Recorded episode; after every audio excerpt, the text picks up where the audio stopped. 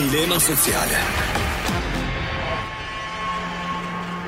Mirë mbrëma të gjithëve, mirë se vini tek dilema sociale sot, unë uroj që të keni kalu një paradite të ditës shtunë të mirë, megjithëse kjo ka qënë një shtunë gati bosh për Tiranën, ku qyteti ka nisur ritualin e ditëve të ngrohta të fundjavës, që është arratisja. Dhe normale, mes Covidit nëpër këmbë dhe tensioneve që çdo ditë rriten për shkak të klimës politike dhe zgjedhore, ky vend i jeton ditët e marsit si zakonisht. Gjërat mes kufizimesh kanë vazhduar gjithsesi. Javën e shkuar në Tiranë janë vënë re nëpër qytet disa sheshxhirime të një filmi që jo vetëm titullin, por edhe frymëzimin e ka nga një prej veprave ikonike të Dritëro Agollit, Shkëlqimi dhe rënia e shokut Zylo. E vendosur në kontekstin e periudhës së realizmit socialist, për një brez që e ka jetuar atë periudhë, e ka shumë të qartë gjithë tablonë e asaj çfarë shqiptarët kanë kalu. Për 20 vjeçarët e sotëm e gjitha pastaj është histori, që diku familja e më pas shkolla kanë detyrë t'ia shpjegojnë se ça ka kalu ky vend. Megjithatë, gjëja më e mirë që ky vend nëpërmjet shumë aspekteve i drejtohet kujtesës kolektive dhe mundësisë për të reflektuar në të shkuarën, është që vazhdimisht kap tema të komunizmit. Ajo që më shtyu të mendoj përtej kësaj që sapo thashë, është se kur kemi gati më shumë se 30 vite që jemi ndarë nga ajo kohë, ajo çfarë i reflektojmë ne botës jashtë, veç Shqipërisë moderne dhe që ndryshon, është dhe e shkuara, që në film vazhdimisht flitet për të shkuara. Tentova të bëj një kërkim se sa filma me tematikë fjala vjen me diktaturat e vendeve çojnë vende të tjera në festivale filmash apo bienale artistike, që janë vende të pasqyrimit social kulturor me botën. Dhe sa më shumë kalon koha, aq më pak e shkuara rezonon për vende të cilat i kanë kaluar diktaturat si ne. Ndërsa ne jemi tek filma të cilat tematikat i lidhim me histori të komunizmit që janë akoma tërheqëse. Interesohen investohen bashkëprodhime dhe rrjedhimisht përfaqësojnë Shqipërinë në një sërë festivalesh. Por a mundet një vend i vogël si yni që të shfaqë plot histori të tjera, që mund të jenë me qasje më globaliste, jo detyrimisht me me kontekst uh, historik? dhe t'i shfaqet botës me elemente të kulturës dhe zhvillimit që nuk lidhen detyrimisht me të shkuarën, unë këtu mendoj që ka shumë njerëz që ndahen. Ka nga ata që mendojnë se nuk ka asgjë të keqe, mjaft të jesh korrekt me të vërtetën dhe t'ia tregosh botës pa emocione, që çdo histori e shqiptarëve në realizëm socialist të mos bezdisë askënd. Për shumë syresh, mund të thonë që ajo periudhë ishte e zezë, nuk kemi pse ne reflektojmë dhe rrjedhimisht as t'i japim eko apo jehonë në botë. Dhe kjo, në fakt, nuk është një mëdyshje e mundimshme. Por merr kohë dhe diskutim me njerëz që sidomos për shembull në film vazhdojnë të gjejnë dhe të gjuajnë ngjarje me komunizëm për të ndërtuar filma të Shqipërisë, uh, një Shqipëri e cila nuk ka qenë e lirë, por ndonjëherë edhe një Shqipëri e cila fjala vjen për shembull në periudhë tranzicioni apo kaotizmi gjithmonë shërben për tematika interesante. Unë vetëm pas pak do të kem program Namik Ajazin.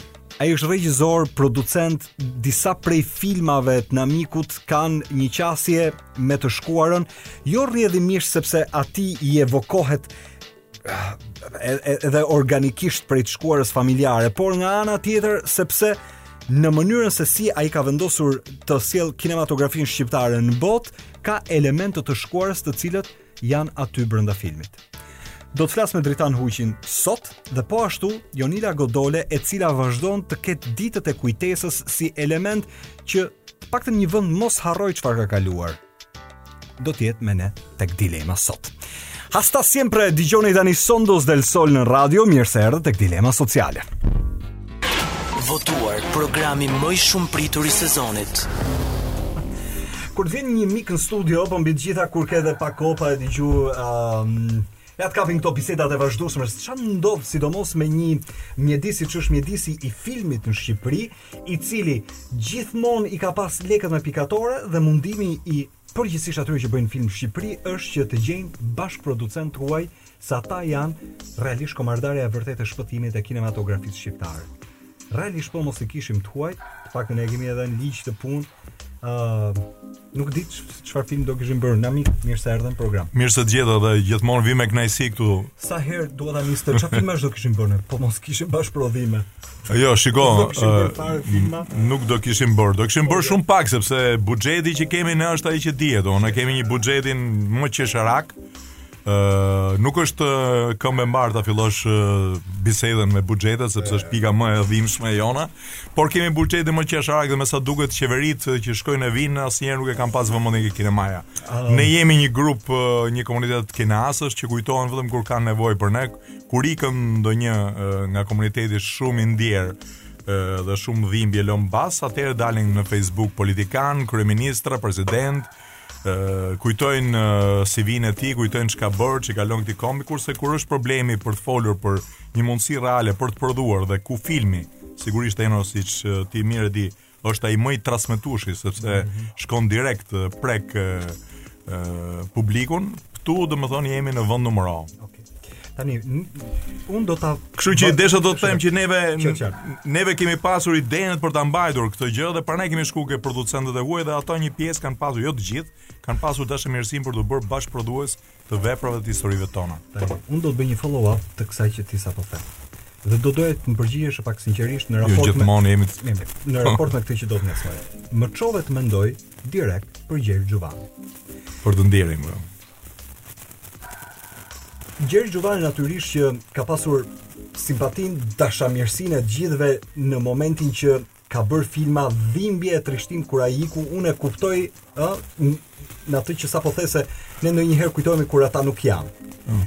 Sa ka vuajtur personalisht se biseda kolegësh dhe miqsh ti i di më mirë për filmat e tij që natyrisht jo vetëm ai, po dhe të tjerë, me buxhete të vogla për të gjetur bashkëproducentë dhe mbi të gjitha për të qenë dhe për të bërë punën e vet. Sa të pamundur ia ka bërë Shqipëria ose sa malore ia bënte Shqipëria punën atij njeriu. Meqë e hapëm këtë bisedë dhe këtu do ta mbyllim pas përgjigjes tënde. Atëherë është është emocion, unë e kam njojtur Xhuvanin, kemi qenë gati bashkëmoshatarë, unë kam qenë ja 3 vjet më i madh. Dhe kujtoj që kam njohja e parë daton nga 77-a. Ky ishte në se ka mbaruar të mesmen ka mbaruar në politiku Politeknikum, që i thoshin Polikumi atëherë dhe në një nga këto olimpiadat teatrale ishte pjesëmarrës aty dhe ne na kishin vënë në juri, ngaqë unë atë periudhë isha ke shkolla e kulturës, na vunë në juri. Edhe aty u njoftëm. Pastaj u pamë Pogradec për vite të tëra sepse ai ishte frekuentues i Pogradecit, ngaqë kishte shumë njerëz të tij atje dhe unë kisha tezen dhe shiheshim çdo çdo verë.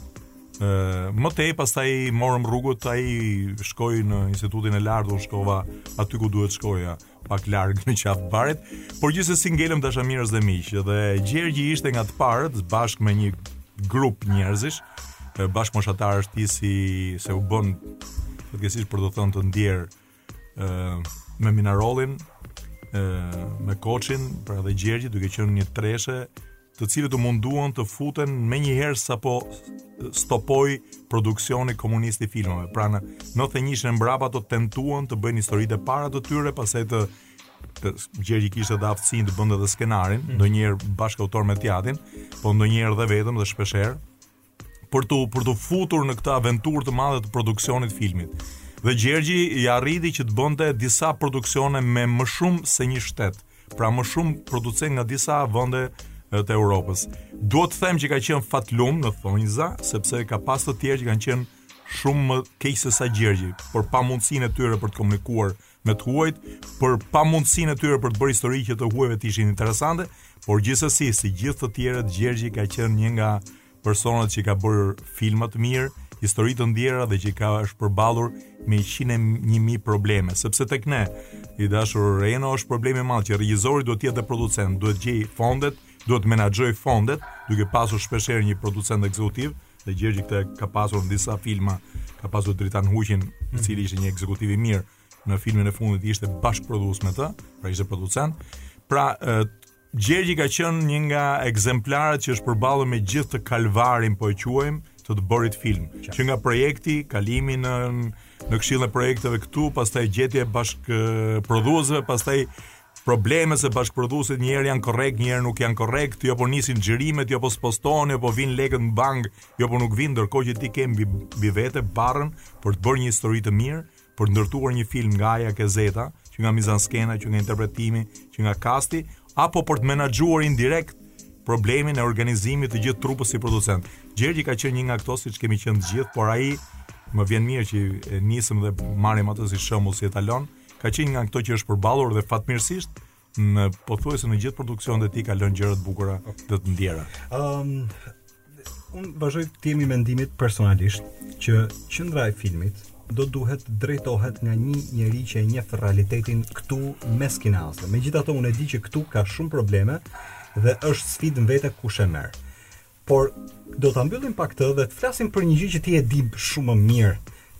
Pse historitë e komunizmit në kinematografi sidomos funksionojnë akoma? Pse ka interes mes kineastëve, regjizorëve, skenaristëve të ndërtojnë histori që i thërrasin elementëve të të shkuarës, një vendi i cili vetëm 30 vite ka që është shkëputur nga komunizmi. Reno, ta kemi gjithë qartë, këtu te ne fat, mir, fatkeqësisht nuk është bërë asnjëherë një ndarje me të shkuarën, pra me komunizmin, nuk kemi pas kurrë një vijë ndarje, nuk ka pas kurrë një mea kulpa të atyre të cilët i shërbyen, sepse komunizmi nuk ishte Enver Hoxha, Enver Hoxha ishte në majë të piramidës, mm. ishte ideatori, komunizmi ishin gjithë mekanizmat e tjerë, Ishin prokurorët, ishte sigurimi i shtetit, ishte policia deri diku, ishin të gjithë, ishin hetusit, pra asnjë nga këto nuk ka pas mea culpa për të thënë që ne e bëm dhe kërkojmë falje se asnjëherë nuk është kërkuar falje publike.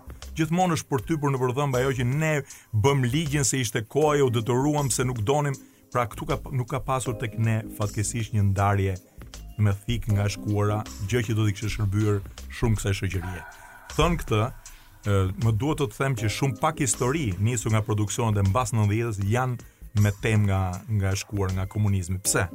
Për një fakt. Mendoj që janë pak. Janë pak. Po do duhet kishin qenë gjithmonë më shumë. Paktën diçka dhe më shumë, po pse? Kanë të drejtë ata që e, e kanë me dyshim futjen në këtë, sepse të kthesh atë kohë, do të thotë që kthehemi prapë tek produksioni, do të thotë që ti të, të ndërtosh një Shqipëri, një location të asaj kohe, e cila është pothuajse e pamundur. Transformimi te ne ka qenë jashtëzakonshëm nga ana ndërtimore, nga ana ndërhyrjes, mund të them brutale urbanistike, pra ti nuk ke më një Tiranë jo jo, po nuk ke as qytete më që ti mund t'i përdorësh si lokacion për të shkuarën. Kështu që i kanë ikur kësaj pjese për t'iu referuar asaj që the ti, sepse një film mbi komunizmin kushton shumë, duhet të ndërtosh Ambientet, dekoret janë të papërballueshme, pra ne nuk kemi dekoratorë të mirëfilltë dhe filmat tanë pothuajse xhirohen në location në lokacione reale, uh -huh. sepse kjo ul shpenzimet, duke i marrë me qira ato ose duke i përshtatur, sepse ndërtimi i gjërave të mëdha, gjigante siç përdorin produksionet e mëdha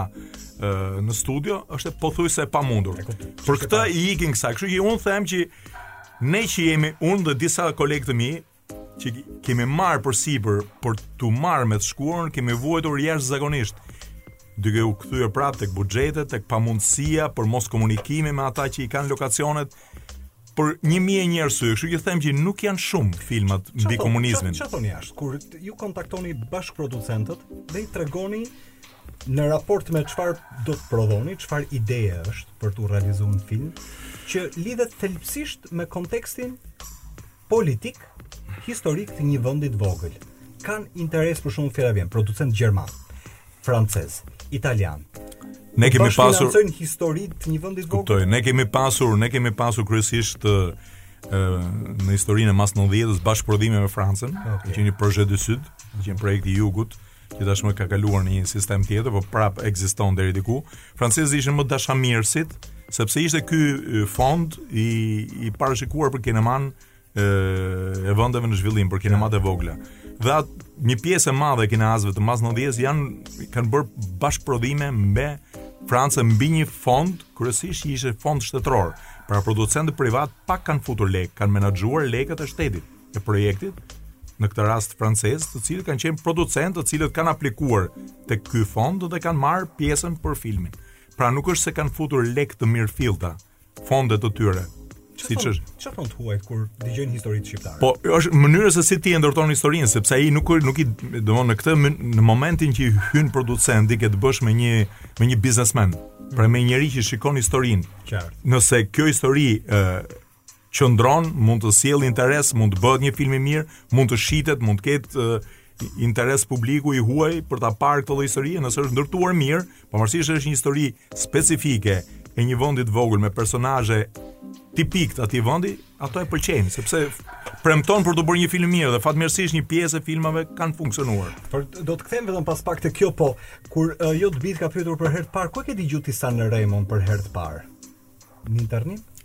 Jo, San Remon e kam dëgjuar fëmi, internim ishte vonë, kam dëgjuar vonë, shpejt San Remo dhe ka qenë ajo ëndrra jonë se ne atëherë brezi jonë këto dëgjonte San Remon uh, un disco per l'estate këto ishin gjërat di të më thuash pse ka akoma ndikim San Remo në Shqipëri kot un tani do të vendos një nga këngët e San Remos ok është një prej këngëve më të mira që ne e luajmë në radio Por rrija po mendoja një ditë duke i dhënë makinës duke dëgjuar këtë këngë, thosha me vete, kulturalisht unë e kuptoj Shqipërinë e izoluar ose fillimet e tranzicionit, po pse San Remo akoma ka ndikim. Po jo San Remo vazhdon të jetë eventi më i rëndësishëm i kinem i muzikës. i muzikës italiane, edhe sot, përtej kësaj që ne kemi pëlqyer se ne atë kishim atë dritaren jo, tonë. Jo, vazhdon ngelet në një sens. Okej, okay, ngelet kaq difuz, po Chiamami per nome dëgjoni tani Ky është Fedez me Francesca Michelinin.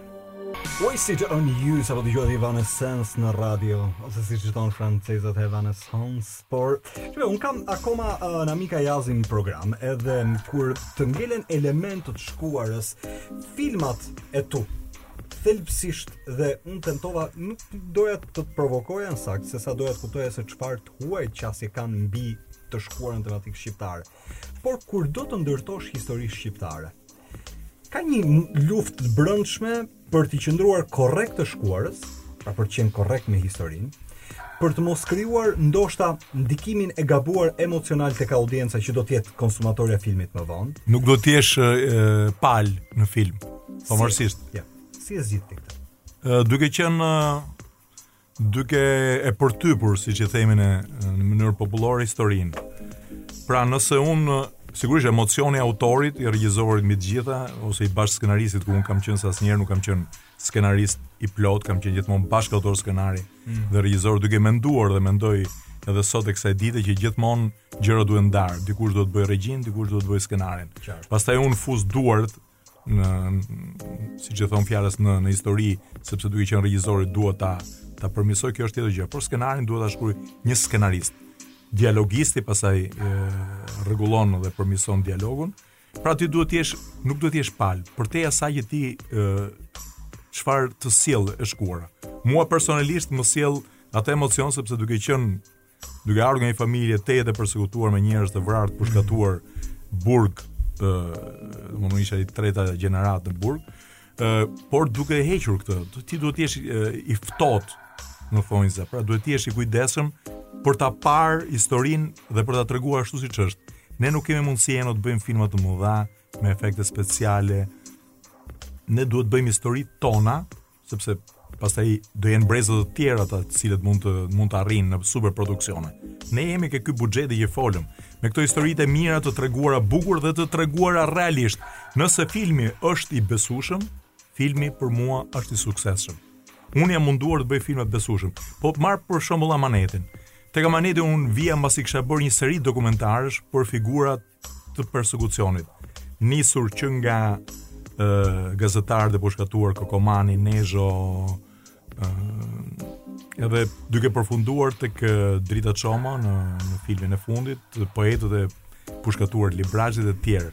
Drita Kosturi, pra vija me një ngarkesë emocionale që kisha trajtuar kështu kryesisht këto figura megjithëse në zhanrin e dokumentarit në një mënyrë filmike, do një lloj fiction e gjysmë fiction. Vija tek Amaneti me një histori krejt tjetër, pra duke treguar historinë e luftës brenda llojit, brenda Bllokut ku ky funksionar i lartë i sigurimit, që ishte një në rangun e ministrit brendshëm ose ministri, masi shkatërroi të gjithë armiqtë e partisë të brendshëm dhe të jashtëm erdhi rradha e tij. Dhe këtu fillon mea culpa që unë e fus në film, është e vetmja gjë që është inventuar, pra nuk është reale sepse nuk ka pasur mea culpa ata vdiqën me fjalën e partisë në gjyq dhe në në ekzekutim, por trajtova ato. Kur u bë premiera në Shkodër se duhet të them vetëm një gjë. Ë 98% 99% e publikut se unë e çova në Shkodër bëri një premierë si nga qytetet më të persekutuara ku kishte shumë njerëz që kishin kaluar atë lloj kalvari ose të ngjashëm me të. Të gjithë më thanë urime, i kishte pëlqyer shumë. Dikush më tha, "Po jo tha, i keni boj historinë e Kadri Hazbiut, këtu në vrazë, keni turp." Shiko, ata e perceptonin ndryshe. Unë qesha se thash, po t'i them tash se kush jam unë. Pra, ti nëse sjell një histori të vërtetë, të treguar mirë, pa ekzagjerime, pa bërë palë, Gjithmonë fiksioni është, ë? Po të huajt. Ti ke një ti ke bërë premierën jashtë. Dhe si ty shumë regjisorë kur kanë përballjen, se unë dua të kuptoj në Shqipëri, natyrisht që do ta kuptojnë, është historia e këtij vendi. S'ka se si mos. Po të huajt, jo detyrimisht do duhet ta njohin historinë dhe kontekstin apo backgroundin politik dhe historik.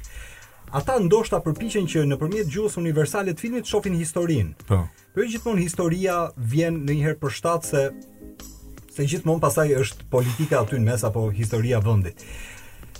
Më shumë prevalon historia e vendit sesa historia njerëzore. Çfarë thonë të huajt kur ne i çojmë në i çojmë të paketuar historinë e dhimbshme të një vendi nëpërmjet artit? Pëlqehet dhe duartrokitet dhe unë pëlqehet dhe duartrokitet. Unë kam provuar filmi i fundit është akoma pa pa dalë për shkak të pandemisë. Portreti i pambaruar, por flasim gjithmonë po i referohem Amanetit. Amaneti ishte në Kanada, në festivalin eh, e madh të Kanadas, World Film Festival, Me me një sallë vetëm me të kanadez. vetëm me kanadezë dhe me pak shqiptarë që ishin atje. Domthonë po të ne nuk arritëm dot të shkonim për procedurat e tmerrshme të vizave. kur ata na dhanë vizat kishin mbaruar biletat e avionit, kështu që historitë tona bëmë vetëm një lidhje, domethënë një konferencë shtypi dhe bëmë e bëmë online nga dhe gazetarët e akredituar që ndiqnin festivalin ishin të mrekulluar ose u kishte pëlqyer shumë historia. Por review si i bënë? Bënë një review shumë të mirë. Unë kam titujt e gazetave për shembull Amaneti shkëlqen në Montreal.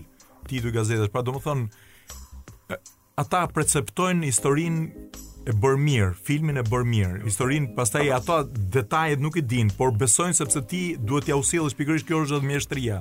Në 1 orë 40 minuta ose 1 orë 30 minuta ti duhet ta sjellësh të kopsitur, të qëndisur historinë. Pra t'i bësh ata të kuptojnë elementët të cilët sjellin në këtë lloj ngjarje dhe sigurisht me një kast të mirë aktorë të cilët duhet të futen në lëkurën e personazheve, sigurisht të xhiruar mirë me një muzikë okay. funksionale etj. Unë vetëm pas pak do të pyes um, se sa uh, në raport me një publik të huaj se një regjisor i mirë, natyrisht që ka një ambicie për ta çu filmin jashtë. Le të themi peshorja profesionale. Është publiku shqiptar për mua. Pa A ti nuk mendon që është e kundërta? Sigurisht. Unë un them që unë kam thënë dhe e kam deklaruar dhe i qëndroj kësaj. Shqiptarët janë publiku më i mirë, pavarësisht se nuk shkojnë. Ma shpjego pak si ka mundësi që mes komunitetit tuaj ka plot nga ata që kur vënë në peshore um, publikun vendas. me publikun që i vjen rrjedhimisht në festivale të ndryshme o në aktivitete të promovimit të premierave që bëjnë jashtë, vënë këtë të fundit përpara se thonë dëgjoj. E rëndësishme është që filmi të maturohet jashtë mirë. Këtu pastaj është një gjë e diskutueshme. Ë uh, shiko, historitë tona janë historitë tona dhe ashtu siç ndjehen këtu, nuk mund të ndjehen kërkund. Nëse ti ke sjellë një produkt të mirë, një film të mirë, Sigurisht i huaji e vlerëson teknikisht, emocionalisht, shikon subjektin, shikon aktorët, shikon gjithçka deri në detaje. Po flas domethënë për një publik më të maturuar. Por ti ke sjellë një histori shqiptare, atij asnjëherë nuk i djeg në thonjëza, nuk e ndjen deri në shpirt atë lloj historie se sa vendi ku ti e ke marrë historinë. Pra nëse publiku shqiptar të duartroket, Ti je i sigurt që e ke marrë fitoren ose suksesin i dashur dhe mua më ka ndodhur. Mua më ka me Amanetin më ka duartrokitur fort publiku shqiptar dhe un kam qenë i sigurt që siç shkoi dhe më pas, filmi mori disa çmime në festivale ndërkombëtare, çmime të para, jo çmime. Dhe filmi sot është akoma në platforma dhe edhe qëndron dhe është një film që pëlqehet, Pra unë e kisha të sigurt sepse historia ishte bërë mirë, në premierë kisha të ftuar njerëz që kishin kaluar në lëkurë ata, fëmijë titullarësh të lartë, rrjedhimisht i vinte nisur që nga vajzat e Besnik Bekteshit e etj etj, Agim Paçrami etj etj dhe thanë, kjo është historia jonë. Filmi e kishte fituar. Shive, jam kurioz të pyes vetëm pas pak edhe m'i lejo dy pyetje të fundit vetëm pas, pas pak për filmin që ti e ke në proces, një film që po zgjatet dhe mbi të gjitha një projekt që m'u duk interesant, po unë nuk klik mikësh nga studio sepse ti e paske në kokë një tjetër ide për një film të dytë që është vetëm akoma embrion, sa ta ngjizni derisa të shkojë pastaj rreth. Unë desha të bëj një intermezzo. Po, këtë këtë do ta do ta flasim vetëm pas pak, qëndroni aty. Dilema sociale në Top Albania Radio. Dilema sociale. Votuar programi më i shumëpritur i sezonit. E që po si pa dashje si program filmik ky i sotmi, po edhe pse nuk është të dielën darke, um, Tamam, i bjen në datë 15, më fal. Ditën e hanë. Ose sa i bjen? Nesër është 14, 15. Të hanë. Të hanë. Dalin kandidaturat e Oscarit. Edhe Oscari kur ne këtu numrojmë votat në datë 25, ata 25 në darkë shpallin fituesit e Oscarit. Të një viti filmik i cili ka qenë komplet i bllokuar nga pandemia dhe rrjedhimisht kinemas e cila ka qenë e atrofizuar e bllokuar si distribucion, si mundësi për të shfaqë filmat njerëzit ose një pjesë e mirë e platformave streaming në botë, në botën e madhe, shërbyen për të zëvendësuar kinemat, po jo gjithmonë. Mendoni, producentët e Bondit kanë katër herë që kanë shtyrë filmin, e kanë shtyrë gati një vit e tetë muaj, nuk duan ta japin në asnjë prej platformave streaming sepse ata mendojnë që Bondi shifet në kinema dhe më vonë vjen në televizor. Dhe kanë drejtë si përherë. Ti ke bllokuar filmin po aq. Sigurisht ne e kemi mbyllur filmin në 2019-ën, në 2019-ën, tamam sepse më duket shumë larg. Kemi bërë një screening për stafin miq dhe shokë në 2 nëntor. Dhe filmi duhet të ishte duhet të ishte në kinema në fillimin e vitit 2020, ishte tërmeti duke ne pastaj pandemia si këtu dhe në Itali, sepse distribucioni do jetë në të dy vendet. Për faktin se jemi akoma në pritje, kam uh, anulluar të gjithë pjesëmarrjet nëpër festivale, sepse festivalet online për mua kanë pak vlerë. Festivali ka rëndësinë kur ti shkon, e prezanton filmin, takon krijues, uh, producentë, del para shtypit, flet për filmin, pastaj është distribucioni në kinema dhe pastaj më pas vin vjen televizioni dhe platformat shumë të vlefshme për këtë vit. Kështu që jemi në standby me filmin. Nuk e di. Uh, për shembull, kur unë prisja këtë prill bondin dhe kur thanë do ta shtyjmë tetor me kushtin që të jepet në kinema, duke marrë ata garancinë e britanikëve që kinemat hapen në vjeshtë. Britanikët e kanë mbaruar deri po, po. atëherë vaksinimin, kështu që po, mjaft dikush filloi ta shfaqë filmin. Edhe të paktën se duken shenja normaliteti na mik. Do të thotë që hapen me zor po e presim. Duken si shenja të kthimit aty ku kemi qenë po. Ëm um, vim pak tek ideja që ti ke akoma për të vendosur një film në burgun e Spaçit si ambientim për të krijuar dhe riekranizuar ose sjellë në në në film një ngjarje e cila prap lidhet me komunizmin prap lidhet me historinë e këtij vendi. Atëre dashur Jonë unë po, gjithë kjo duhet shkruar besoj. Është duke u shkruar, pothuajse e kemi përfunduar Visar Zhiti po bën skenarin, ka punuar fort, jemi pothuajse në përfundim të fazës fillestare të skenarit, i cili pastaj do kalojë në në ripunime me dialogistë të tjerë dhe duam të kthejmë kryengritjen në ferr, t'i bëjmë homazh një nga Ngjarjeve më të mëdha që ka lënë njollë të fortë në në historinë e të përndjekurve kryengritja e Spaçit. Pati disa kryengritje edhe në Qafën e Barit në 84, por ajo Spaçit ishte shumë e fuqishme sepse akoma burgu ishte e, ishte homogjen, ishin të burgosurit politikë, politikë, politikë. Se pastaj më vonë nisur mase dhe nga kjo kryengritje u futën të burgosurit ordinerë mes tyre, ata për 4 ditë sprapsën policinë dhe mbajtën burgun duke ngritur flamurin pa yll për 4 ditë. Mas 4 ditës sigurisht arritën t'i mposhtin duke prerë ujin e duke bërë dhe një pjesë prej tyre humbën jetën, katër u pushkatuan, 12 të tjerë u dënuan me 25 vjet të tjera, të tjerë. Ne e ndiem për detyrë ta bëjmë këtë. Brezi im i dashur Eno ka hyrë Në kalvarin e burgjeve 27 vjeç, unë tash jam 60 vjeçar, ai është diçka shumë më tepër se unë, kështu që nëse nuk do arrijmë ne të paktën t'i bëjmë një homazh mm. bashkëvuajtësve dhe të gjithë asaj kategorie që vuajti mbas telave, nuk besoj se do ketë më një interes të madh më pas. Kështu i po punojmë mbi këtë projekt. Do të kishte shkuar biseda me ty gjatë e gjatë, po unë ja e mbyll se kaq kohë kam. Nuk nuk të pyeta Pa shkas, sepse vetëm pas pak mua më vjen Jonila Godole, është një është kolegia ime në departament tek uh, po. gazetaria e komunikimi, por çon përpara vazhdimisht ditët e memorjes në këtë vend. Domethënë ka një lloj misioni të brendshëm, sidomos një brezi të ri që janë studentët. Janë ata që ishte ditë e kujtesës, ishte edhe një aktivitet që bënte edhe muzeu, ishin para disa ditësh me filmin e Drita Çomos, Dritë në Humnerë, një po, dokumentar. Po gjë më e mirë, që të paktën Ka kujtesë edhe për brezat. Kjo natyrisht nuk është parajsa, por ky është Nick Jonas. Dëgjojeni tani me This is Heaven. Sapo dëgjuat Gjon's Tears me shumë gjasa uh, në gjithë ato forumet që po qarkullojnë se mund të fitojë apo është një nga favoritët për të fituar festivalin Europian, ju e dëgjuat atë këngë, me gjasë Zvicra, Mund të ketë përfaqësimin më të mirë nga ky djalë shqiptar në Eurovisionin e këtij viti.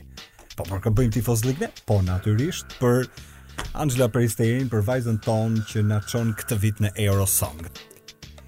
Dy miq artistë më tregojnë se në Bienalet e Venecias vazhdimisht midis Shqipërisë ë uh, europiane dhe Shqipërisë që është kontemporane dhe do të barazohet artistikisht me vendet e mëdha që do që të tregojë që në një botë globaliste dhe Shqipëria ka pjesën e vet, më tregojnë që vazhdimisht në qasjen që kanë edhe artistët kur duan të çojnë uh, punime, instalacione nga Shqipëria, kanë pasur gjithmonë një refleksion mbi të kaluarën e komunizmit dhe mbi atë se çfarë komunizmi ka lënë në këtë vend.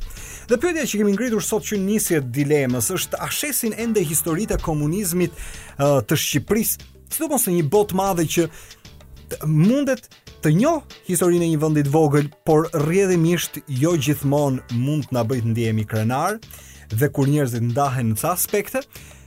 Në ditët e memories, Jonila Godole do të jetë vetëm pas pak me mua në radio për të më treguar më shumë. Dhe siç e nisa programin, po ashtu një prej producentëve tanë të filmit siç është Dritan Huqi do të jetë me ne sepse Fakti që me regjizorin Fatmir Koçi janë duke punuar një prej veprave më ikonike të Dritëro Agollit, e ka bërë që Tirana në javët e fundit në ca prej zonave të veta të kthehet në shesh xhirimi, por në një shesh xhirimi ku gati evokohet periudha e realizmit socialist. Sepse siç thashë, një prej veprave më ikonike të Dritëro Agollit, shkëlqimi dhe rënia e shokut Zylo, shumë shpejt do të jetë një film shqiptar. Natyrisht me bashkëprodhim të huaj, por nga ana tjetër do të jetë një film i cili do të shkojë të përfaqësojë Shqipërinë në festivale ndërkombëtare. Dhe për këtë do të flasim vetëm pas pak. Por qëndroni aty, ne tani do të kemi, ok, dëgjoni Bed nga Joel Corry e kur të rikthehemi pas publicitetit do t'i japim vëmendje Memories, asaj që duhet ta mbajmë, po asaj që na mungon ndonjëherë. Dilema sociale në Top Albania Radio. Mirë se u rikthyet në radio. Unë tani dua të dëgjoj një njeri që ia vlerësoj fjalën për mënyrën se si të paktën përpiqet në këtë vend që uh, nëpërmjet institutit që drejton, që është ai për uh, media, demokraci edhe kulturë, e saktë është Instituti për Demokraci, Media dhe Kulturë, tenton vazhdimisht që të orientojë disa aktivitete të përvitshme drejt kujtesës dhe po aq memories së një vendi i cili nuk do duhet të mpaket, aq më shumë ë do duhet të ekzistojë dhe vazhdimisht të të kujtojë elemente të shkuarës. Po kur flet për ngjarje të kove të ndryshme, sidomos periudhës së komunizmit në Shqipëri, të cilat gjithmonë lënë shenjë dhe sot po rritet një gjeneratë që është ndonjëherë pak e interesuar dhe gjithmonë e më shumë e ka informacionin o të cunguar o të gabuar, ditët e kujtesës janë aty për të na ndihmuar. Quhet Jonila Godole është Mikesha dhe kolegja ime. Jonila mirëmbrëma. Mirëmbrëma Eno. Kënaqësi që dëgjohemi në radio për një aktivitet që ju e keni mbyllur, por që tanimë kur vjen për të disatin vit ti kupton që është e nevojshme për të çuar përpara ka akoma gjëra të cilat asnjëherë ndoshta nuk mbarojnë dhe kanë nevojë për t'u kujtuar për të kaluar në kujtesën kolektive? Uh, ka akoma, normalisht, ky vit ishte një vit i veçantë, mm -hmm. sepse kishim 30 vjetorin e rrëzimit të statujës së diktatorit Hoxha që në thelb mbahet si akti simbolik i rrëzimit të diktaturës për 20 shkurtin.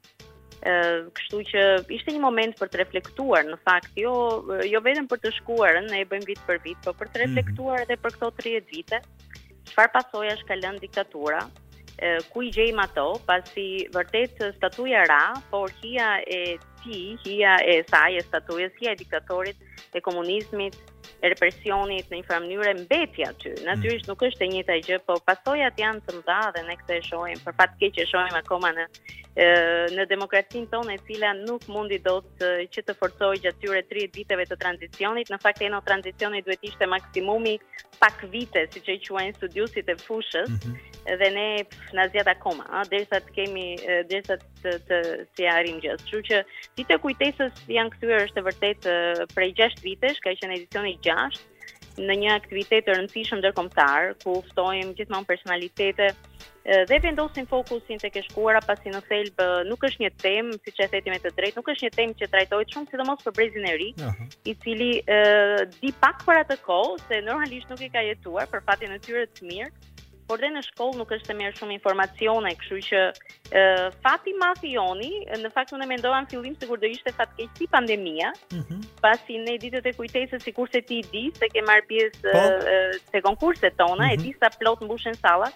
Këtë vit e kishim të pamundur dhe unë mendova, oh, kisha frikë se mbase do dështonte, por në thelb aktivitetet hibride, dalja në internet, e, me Zoom dhe me dhe me mjete të tjera në rrjetet sociale, më tregoi se sa e rëndësishme ishte që këto aktivitete t'i ndiqnin dhe shqiptarët në diasporë, por dhe të rinjtë kudo që janë në shpi ose ngado që ishin, dhe aty pamë pastaj cilat formate tërheqin të rinjtë duan gjërat vizuale, kemi folë edhe bashkë shumë herë. video, filma, gjithçka që i godet me pamje, në, për ta kuptuar atë kohë. Dhe vijmë pak tek një element që është unë kam përshtypjen edhe i marrëdhënies që ti ke ndërtuar me bashkëpunëtorë të huaj.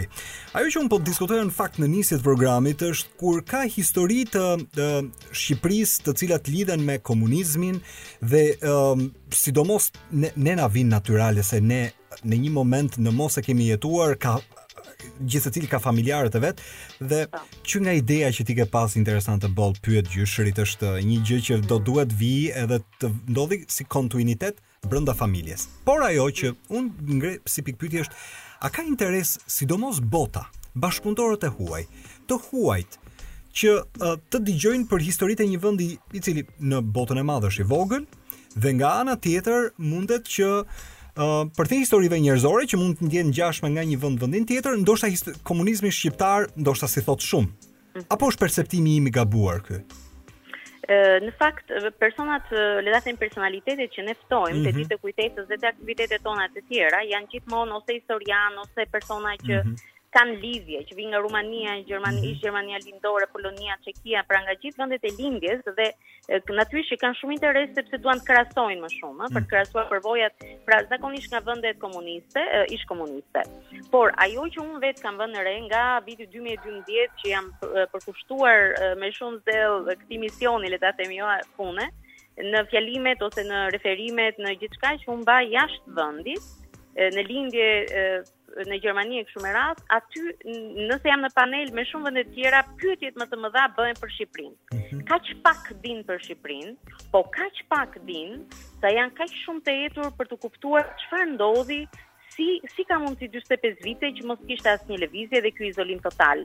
Ë është fakt që media shumë pak, media po them ndërkombëtare shumë shumë shumë pak ka shkruar për këtë pjesë. për këtë pjesë të historisë sonë ka qenë në fillim viteve 90 dhe ata dinë shumë mirë deri në Jugosllavi si ka funksionuar komunizmi pasi dhe vetë mund që të kalonin atëherë pushimet në Rumani, Bullgari, në ish Jugosllavi, por jo në Shqipëri. Dhe Shqipëria ngeli si një vend që gjithmonë kishin interes, por nuk dinin asgjë. Kështu që unë mendoj që kanë interes, por kanë interes jo aq që nuk është interesi nostalgjisë, sesa është një mhm. interes kritik. Ëh, okay, çfarë ka ndodhur në atë kohë dhe si ka mundësi, si si shpjegohet? Kto janë pyetjet që ata bëjnë gjithmonë. Po. Megjithatë, a do duhet rrjedhimisht dhe unë them sa mirë që janë, po a do duhet rrjedhimisht që historitë e uh, një të shkuare e cila në ca momente unë nuk besoj që as na nderon, as na as na Nuk e di, as nuk na na na na nxjerr le ta themi një vend i cili na dëmton. Ndoshta, por i ke në element artistik. Unë për shembull, duke parë programin e ditëve të kujtesës, lexoj që ka qenë një prej um, prezantimeve të studimit filmat e ish-Kinostudios propagandë apo pasuri po. kombëtare. Një studim ka qenë ky po. Edhe interesant, ideja është që Mendo kur kemi pas element filmik në mhm. diktaturë është një gjë që ndoshta është për t'u analizuar. Ajo që sot po aq ti shef regjisorë, kineastë, në një moment evokojnë ca elementë të të shkuarës, të cilat janë subjekt për filmat e tyre. Dhe rrjedhimisht pastaj ato shkojnë në festivale ndërkombëtare, i shkojnë botës i përqasen mm. në në prezantime të Shqipërisë. Ndonjëherë ato duket sikur Është mjaft apo thua që sa më shumë aq më mirë?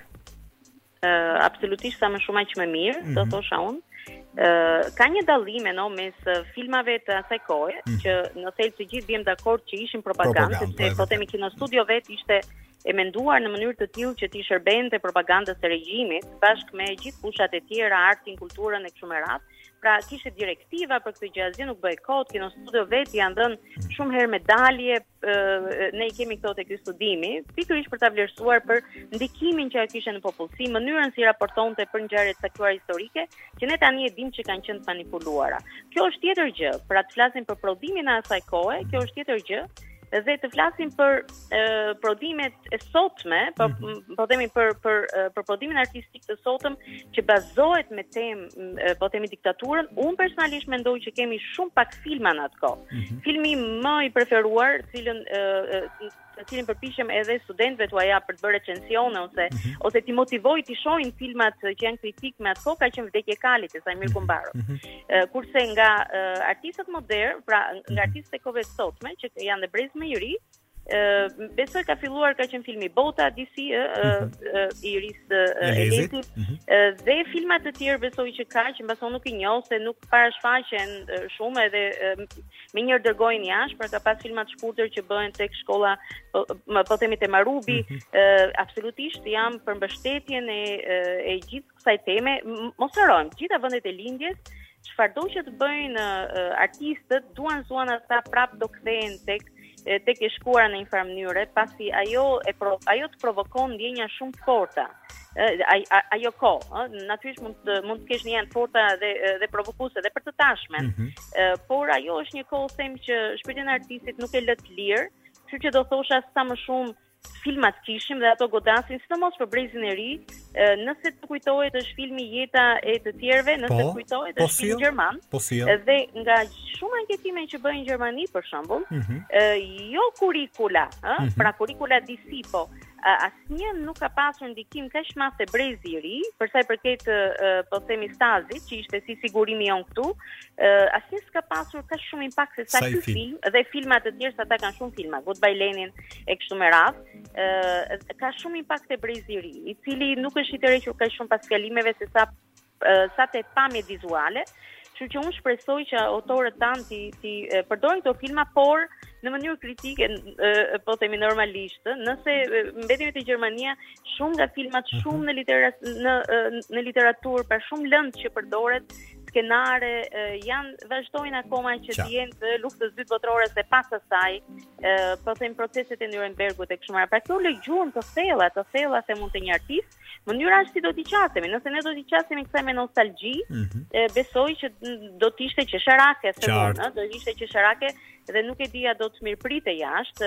Edhe ato vende janë tepër të ndjeshme, tepër sensitive dhe të ndjeshme ndaj diktaturave, ë, dhe ndaj e, asaj që komunizmi prandaj e, se sa vrasëtar ka qenë ai si sistem në të gjitha vendet ku u instalua. Po unë them sa më shumë filma të bëhen për këtë temë, absolutisht jam për t'i mbështetur gjithë autorët tanë që merren me subjekte të asaj kohe dhe subjektet janë të ndryshme, mund të jetë nga izolimi tek burgosja, internimi, por mund të jetë edhe jeta se si jetonin dhe njerëzit që s'ishin të përndjekur, por jetonin me frikën e spiunimit, me frikën e, e, e daljes nga rreshti pa dashur. Ëh, Ë ndonjëherë pa dashur fare, domethënë për mua. Unë jam shumë kurioze, jam shumë kurioze Jonila të dëgjoj vetëm pas pak Dritan Huqin, i cili është producent, kanë marrë përsipër të ekranizojnë, pra të sjellin një film që mendo, xhirohet në 2021-shin edhe rrjedhimisht pastaj gjithë ambientimin e mhm. kanë në Shqipërinë e realizmit socialist.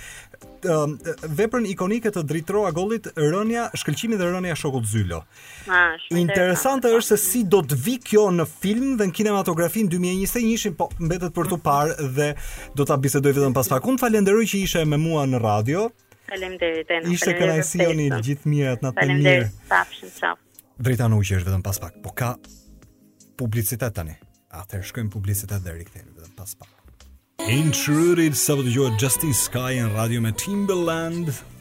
Dritan Huqi është producent karriere dhe uh, në kinematografinë shqiptare natyrisht që një lidhje shumë të fortë e ka pas me të ndjerin Gjergj Xhuvani, por natyrisht që së fundmi nëse ju keni parë ose mund të keni rastis o ca publikime ose një dy tre kronika televizive keni parë që disa rrugë të kryeqytetit u ambientuan si në kohën e realizmit socialist sepse Në ca momente ti kupton që ky vend, sidomos në ca lokacione xhirimi, kanë ngelur gati gati po themi pak autentike për të rikthyer disa vepra që i evokojnë të shkuarën siç është Shkëlqimi dhe rënia e shokut Zylo. Po po, një vepër uh, ikonike e uh, Dritëro Agollit, kthyer në film nga Fatmir Koçi. Është bashkëproducent uh, me Kosovën, natyrisht për palën tonë është Dritan Huqi. Unë e kam në telefon tani Si je ti, mirëmbrëma?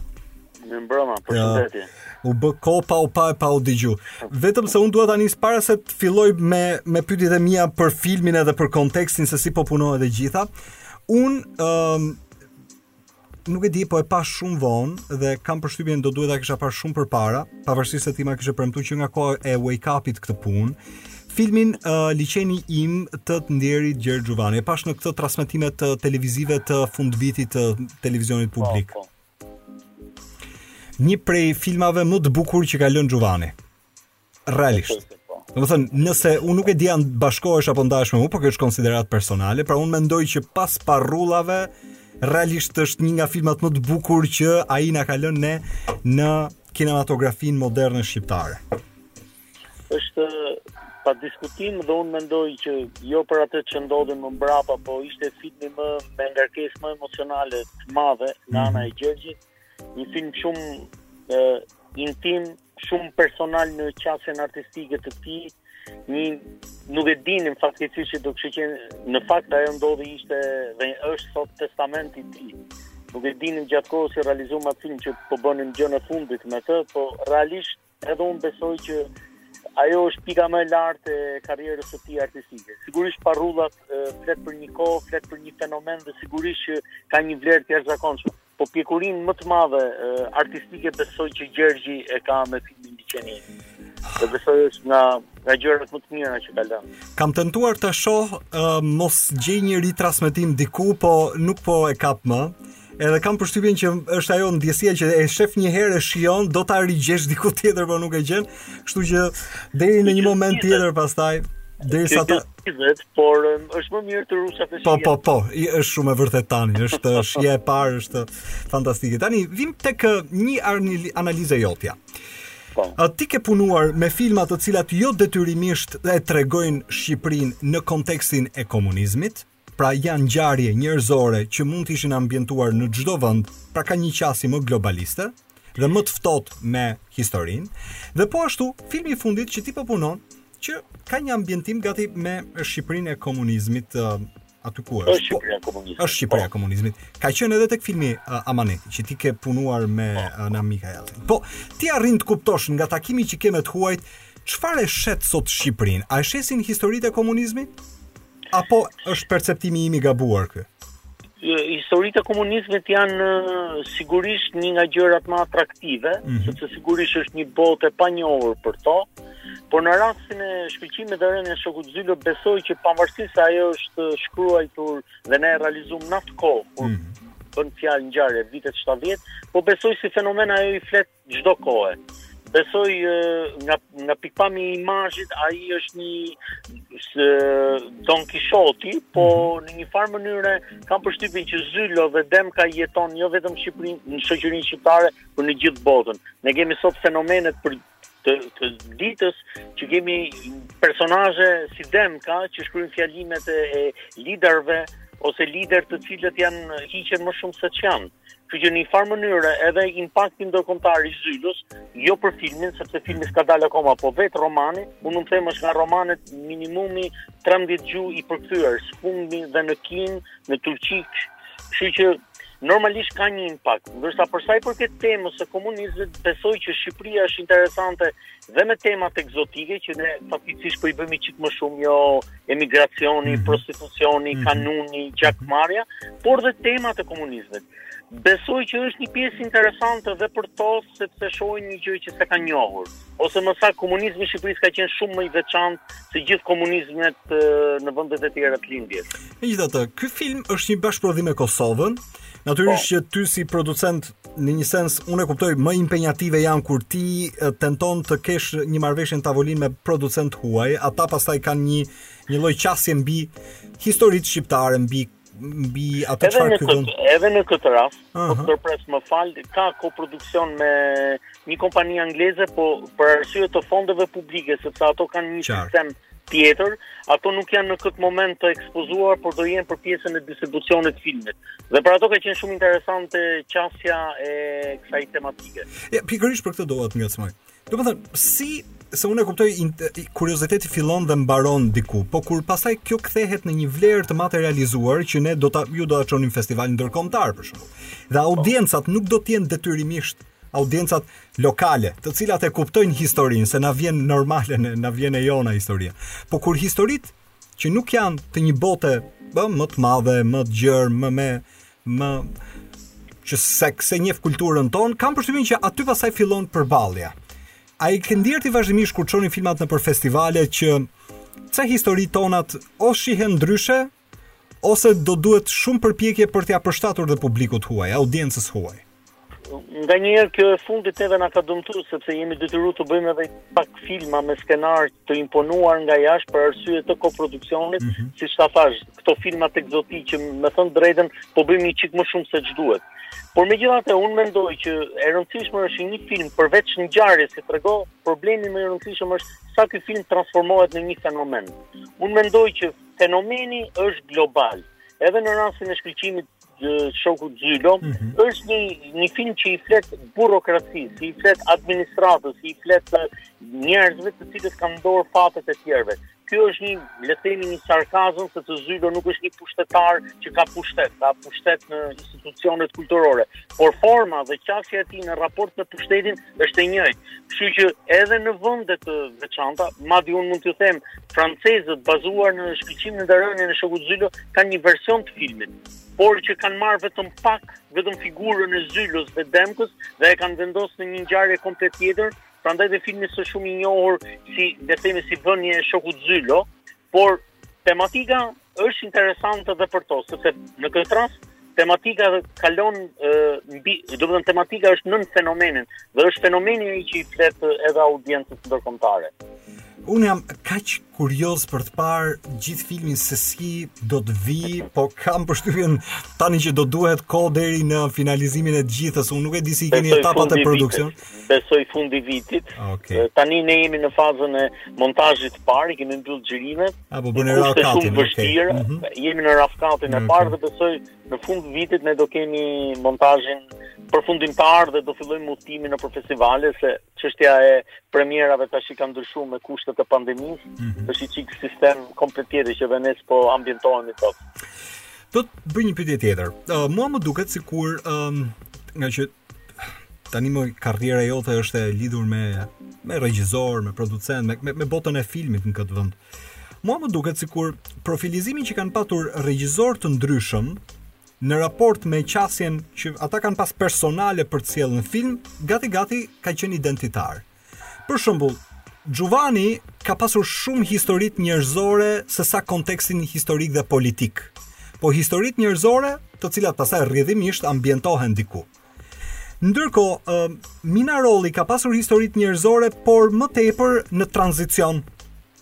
Po. Ëm Namik Ajazi i thret historive të komunizmit dhe ngjarjeve që evokojnë diktaturën në një sens uh, me gjithë egërsinë e vet. Gati gati më duket sikur ti si producent kur dëgjon emrin e një regjizori e di se ose e ke qartë se çfarë qasje kanë. Sigurisht, sigurisht sepse ato në një farë mënyre janë pikërisht njerëz të cilët quhen autor dhe mm. autorët mm. gjithmonë pikërisht për këtë gjë konsiderohen sepse krijojnë një gjë, krijojnë një një stil, një mënyrë tyre të komunikimit.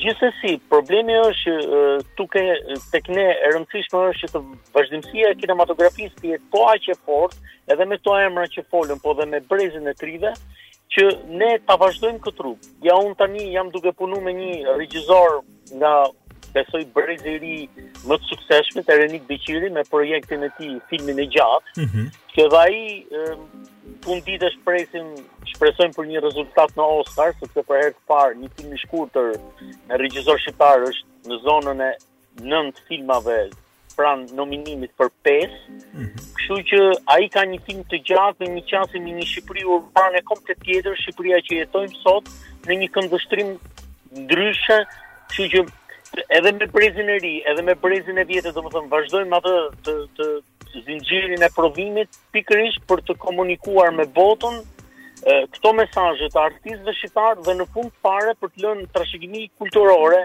këtij vendi gjëra me vlerë që t'i flasin çdo kohë. Unë do ta mbyll. Uh, më ka mbetur ëngjëjt janë larg, po aq. Oh. Për të mbyllur uh, edhe unë një pjesë të mirë të njohjes së Xhuvanit si një prej regjisorëve që e kemi pëlqy fort të gjithë. Natyrisht për ty ka qenë uh, mik jete, edhe partner i i i karrierë gjatë. Karrierë gjatë. Por do më lajmërosh diku në një moment kur ju të vendosni diku ta transmetoni diku do t'i jepni akses për streaming diku se ku është ëngjëjt janë larg. Unë të falenderoj tani që ishe në program. Edhe edhe në fakt për këtë analizën sidomos për filmat të cilat diku i thrasin historisë këtij vendi, por kur Ëm historia sidomos në një mënyrë vjen sidomos në art është interesante për të kuptuar në çfarë forme e sjellin krijuesit. Tani natën e mirë. Faleminderit. Dëgjohemi. Dëgjohemi, ishte me ne Dritan Huqi në radio. Ka publicitet, rikthehemi pas pak, kjo është dilema sociale. Dilema sociale. Votuar programi më i shumëpritur i sezonit. Fireworks, tani do të dëgjohet Purple Disco Machine në radio Për gjithë ju që na keni ndjekur që prej nisjes program, ju falenderoj. E di që të kap ora policore tani dhe je në timon, ndoshta duke ecur për të rendur për shpi, apo për të mbyllur, unë uroj që të keni nesër një të diel të këndshme, të mirë, të qetë, ju falenderoj të gjithve, dëgjohemi të enjten me dilema sociale në radio, natën e mirë.